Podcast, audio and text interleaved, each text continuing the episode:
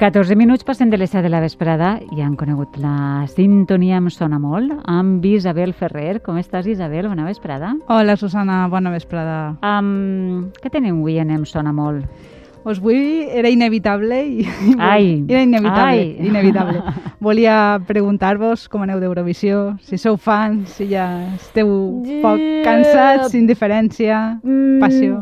Com ho portes tu, Susana? Excepte, has dit passió al final, doncs excepte la passió, jo diria que tota la resta jo un poc. No sóc massa fan. No eres fan No, d'Eurovisió? per entendre'ns, no. Cansada, eh, eh, indiferència... eh, eh, sí que és cert que m'han agradat molt les galegues, això sí que t'ho dic. Sí, Vull- doncs sí. mira, el tema d'avui igual t'interessa. Seguríssim. Sí, anem a... Sí. Eh, avui parlarem d'un aspecte prou concret, però jo diria que no se n'ha parlat moltíssim, i és a partir de, justament de l'actuació de Tanxungueires, de les, de les gallegues. Uh, T'enxugueires? tan, sí, Tanxungueires? Sí, no ho he dit bé. sense la N. Sense és que jo també, jo també vaig eh, dir al principi, i, i crec que molts hem comès l'error de Tanxung, Tanxung, li hem posat la N i és Tanxugueires. Tanxungueires. Sense la N, sí. Vale, sí. Tanxugueires. Doncs bé, si algú no està al cas, eh, que no ho crec, però eh, ho explico ràpidament, són un grup de tres dones que fan una reinterpretació d'algunes de les músiques tradicionals gallegues, cantant en esta llengua i acompanyades d'alguns instruments com molt representativament les panderetes. I este és l'aspecte del qual parlarem avui. Veurem algunes de les pràctiques musicals de cultures d'arreu del món on existeix una vinculació gran entre els instruments d'esta família, eh, panderetes, panderos, Mhm. i un seguit de nomenclatures en altres llengües que anirem detallant, i la formació d'un ideal de dona o, en alguns casos, d'home. Ah, mira, eh, s'han comentat moltes coses eh, d'Eurovisió, però d'esta no massa i és interessant per descomptat. Per això estem nosaltres així. Ah. Eh, però comencem des del principi. I el principi d'això seria la pregunta següent. Hi ha instruments d'homes i instruments dones? Ah, I la, la resposta ja l'avance és un no rotund. Ahà. No hi ha instruments d'homes i instruments dones, ni hi ha cap instrument en el món que estiga demostrat que pel fet de ser home o dona, o persona no, no binària, és indiferent, es puga tindre més o menys facilitat per a interpretar-lo. Ni tampoc cap instrument que universalment s'associa a homes ni a dones. La relació que hi ha és sempre cultural i canviant en el temps. Ah, però, escolta'm, sí que precisament per això que dius, suposa que podem dir que hi ha instruments que estem més acostumats a veure en dones que en homes. Sí, sí, és això. Durant el temps i depenent de cada cultura s'han anat establint tradicions que vinculen determinat gènere sexual a determinats instruments. Això passa així com una extensió del que es considera apropiat en cada moment en l'ideal de masculinitat i feminitat o altres gèneres eh, que hi ha cultures que tenen més de dos gèneres Ahà. eh, en cada cultura. Poso un exemple d'una altra àrea i després parlem dels instruments. Sí. L'altre dia llegia que a mitjan segle XX una cosa que actualment es concep com molt lligat als homes, com és la programació informàtica, era un treball més desitjable per a les dones perquè casava bé amb l'ideal femení d'aquell moment. Eh? Era una feina meticulosa, repetitiva, molt invisible. A mesura que la informàtica ha anat guanyant popularitat i presència pública i rellevància, els homes han anat desplaçant a les dones i han passat fins i tot a considerar-se una feina exclusivament dels xics. De fet, si vas a les facultats d'informàtica, la presència femenina és molt, molt, molt poca. Mm. Doncs amb els instruments passa un poc el mateix. Eh, posem algun exemple? A més, amb el cas, Mm. amb el cas dels instruments. Per exemple, en la nostra cultura no es conserven massa restes històriques de dones tocant instruments de vent. No vol dir que no n'hi ha, n'hi hagin hagut ni que no tingueren capacitat per a fer-ho, sinó que eh, en escala pública es considerava poc desitjable esta pràctica per diferents motius, alguns estètics, altres relacionats amb l'espai on tenia lloc la pràctica musical, molts diferents motius. Mm. En canvi, actualment, alguns instruments de vent, com la flauta o el clarinet, es consideren molt femenins. De fet, Sí. si aneu a veure qualsevol concert de banda, eh, les cordes de les flautes i dels clarinets, n'hi ha moltes més dones que homes. Això té moltes trampes, però en definitiva serveix per explicar com l'associació entre masculí i femení existeix, però és arbitrària i pot canviar amb el temps. Ah, dona, doncs eh, volem saber les trampes també, no? Sí, una trampa que hi ha darrere d'esta a- aparent eh, feminitat d'alguns dels instruments és que encara que les dones siguin més, no vol dir que tinguen tots els privilegis. Sovint una corda està formada per dones. Quan diguem corda, en música ens referim al grup d'instrumentistes que toquen el mateix instrument. Sí. Mhm. Eh, sovint tota una corda pot estar formada de dones, però el solista és un home. Això és prou comú. Eh, prou comú, eh? diguem el que toca els papers mm, principals i toca millor, eh, és, és un home. Una altra trampa és que el fet que hi hagi instruments a una dona al final la limita la pràctica d'aquests instruments, mentre que normalment els homes eh, ballen mm, solen no tindre aquest tipus de, de limitacions. No vol dir que no n'hi hagi, eh? si tu, per exemple, eres home i vols tocar l'arpa o ser ballarí, també existeixen limitacions en els dos casos, però en el cas de les dones sol ser més, més. acusat. Mm -hmm. Um, desafortunadament, aquestes situacions, vull dir, en altres àmbits també repeteixen. Sí, sí, passen en molts àmbits i en la música eh, eh, es transmeteix en, en estos casos i, en, i també en molts altres. Però bé, tornant al cas que ens ocupa, un dels instruments que s'ha associat al llarg del temps en algunes cultures a les dones és, eh, com deia, el pandero, la pandereta i instruments afins. Insistisc, hi ha moltíssimes cultures que això no passa i tampoc es continua en el temps.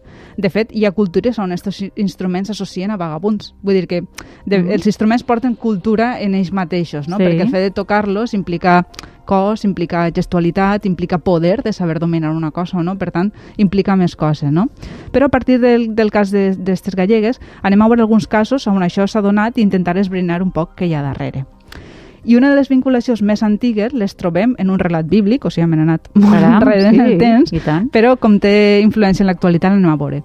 I és entorn a la figura de Míriam, que no sé si és Míriam o Miriam, però bé, direm Míriam. La història de Míriam potser no vos sona, però sí la d'un germà seu, que és Moisès. Sí. Este sona un poc més. Posem música per ambientar-nos.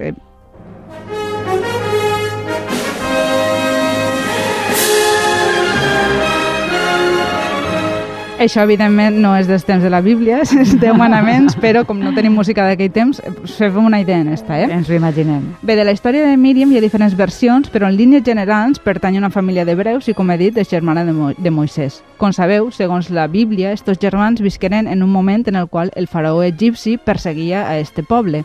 Ja sabeu que Moisès va ser l'encarregat de revelar la paraula de, de Déu a través de, de la seva taula dels manaments, eh? que això és, eh, és conegut, i per això és considerat profeta. I també se suposa que gràcies a, als poders de Déu va aconseguir obrir el Mar Roig per a que el, poble, el seu poble poguera escapar de, del faraó. Doncs bé, Míriam va ser l'encarregada de, amb els seus cants i jo de sa Déu, d'ella i de les seues seguidores d'anar guiant a este poble per la fugida a través del mar. El text es diu que ella va realitzar algun descans i es van anar afegint les dones i tot el poble per, a, per, a, per anar cap allà. Ah, uh, la història és molt atraient, desconeixia Sí. aquest detall. Sí, sí. Eh, tot i que és, evidentment no hi ha cap dada arqueològica que puga constatar que efectivament això va passar, eh, Míriam és considerada profeta, com els seus germans, i, i també eh, este fet ha fet que quasi sempre se la representa en la història, en la història de l'art amb una pandereta, eh, que és l'instrument amb què se la imaginaven cantant, eh, acompanyant-se estos cants. Sabeu que molts sants, màrtirs, eh, van acompanyats d'algun element que els, fa, que, els, que ens parla de la seva vida i que els, eh, que els ajuda a saber què són ells. Jo què sé, pues, Sant Cristòfor va amb una palmera, Sant Sebastià eh, es representa el, el, eh, quan va ser màrtir amb les fletxes, no? Mhm. Um, I Míriam, en este cas, va amb, se la, la trobem representada sovint amb aquest tipus d'instrument. Sí. Mm. Eh, ara ja ho sabem, no? Perquè si descobrim un quadre on aparega una escena amb una pandereta, ara pensarem, mira, serà Podria. Míriam, no serà Míriam? No? Podria, ser Míriam, sí. Però com us deia, en altres cultures, i a més esta és una, Mhm. una figura que crec que en l'actualitat pel que he llegit és molt seguida en la cultura jueva, en altres cultures també hi ha algunes d'aquestes vinculacions entre aquesta tipologia d'instrument i les dones. Fent un salt cultural i temporal molt gran, i jo no sóc gens especialista, però eh, sí que he llegit que hi ha cultures a l'Orient Mitjà on eh, hi trobem una presència generalitzada de panderetes, panderos i en general de molts instruments vinculats, com deia, a la feminitat. És el, és el cas de, de, de tipus d'instruments com ara el DAF o el REC, que tenen nomenclatures semblants a aquesta i d'altres. I per a escoltar un exemple, escoltem el grup egipci Masaher, format per dones que toquen instruments de percussió. Oceania.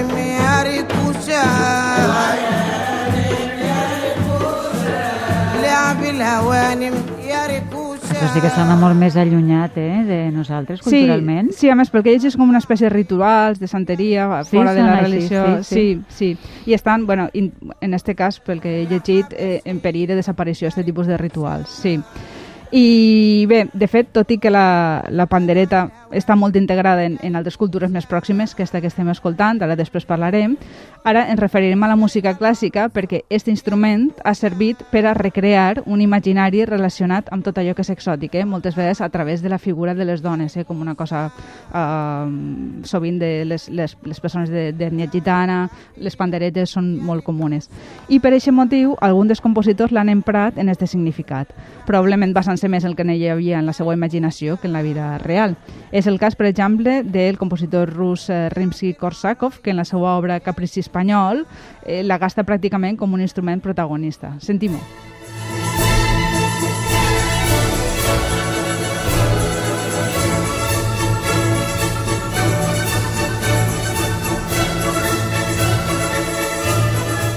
Doncs sona bé el resultat, eh? Sí, el resultat sona molt bé i la pandereta té un gran, un gran Sí. paper totalment.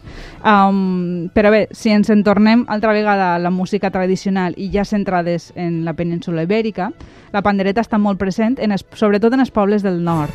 Eh, la trobem a Galícia, Astúries i Cantàbria i fins on jo sé, en tots els casos, molt lligada a les dones. De fet, era prou habitual que hi haguera una separació de gèneres instrumental. Eh? Les dones tocaven la pandereta, mentre que els homes tocaven la gaita en Astúries o el rebel, que és un instrument de corda, en Cantàbria.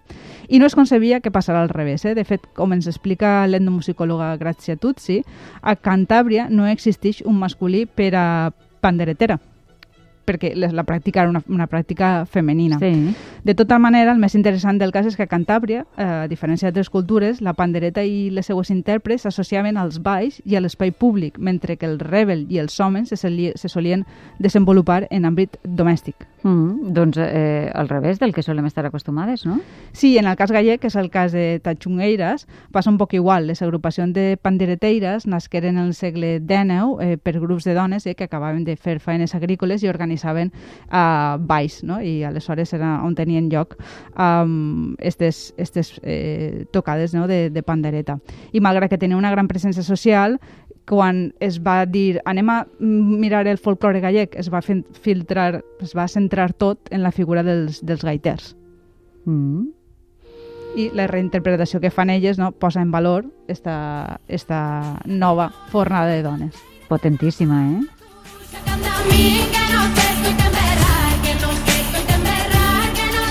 Clar, jo, ara que estem parlant d'això, jo no sé, Isabel, si eh, nosaltres tenim tradició de pandereteres. Tenim tradició d'instruments de xicoteta percussió, com arreu de la península ibèrica, eh, però de panderos o panderetes no en tenim massa restes.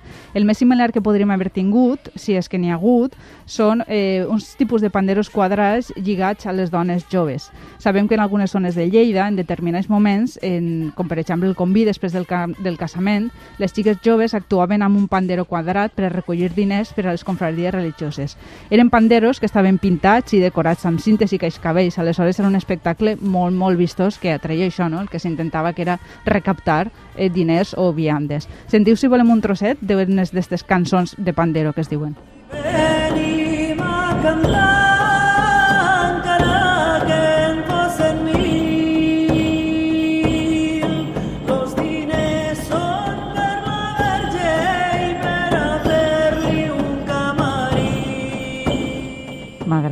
Sí, està molt bé, són molt boniques. Sí.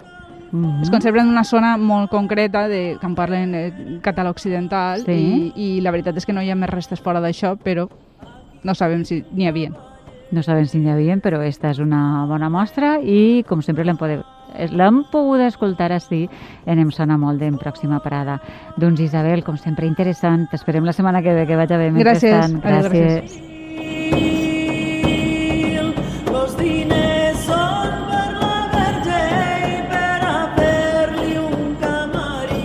Escoltes, pròxima parada. Hey, Mr. Tambourine Man, play a song for me.